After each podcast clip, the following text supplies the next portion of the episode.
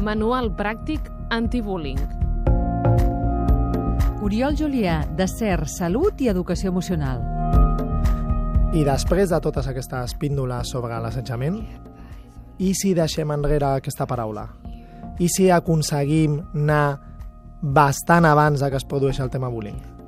I si treballem sobretot en la prevenció? I si tota la societat entén que tot això passa per un rerefons que tenim?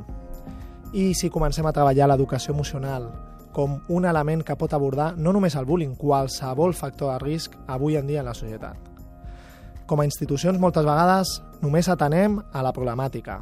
Només actuem quan hi ha un cas que surt mediàticament.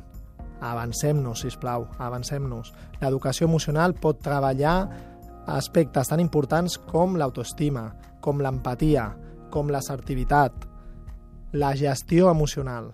Aquesta és la base de la solució. Tots hem de ser actius en pro del benestar.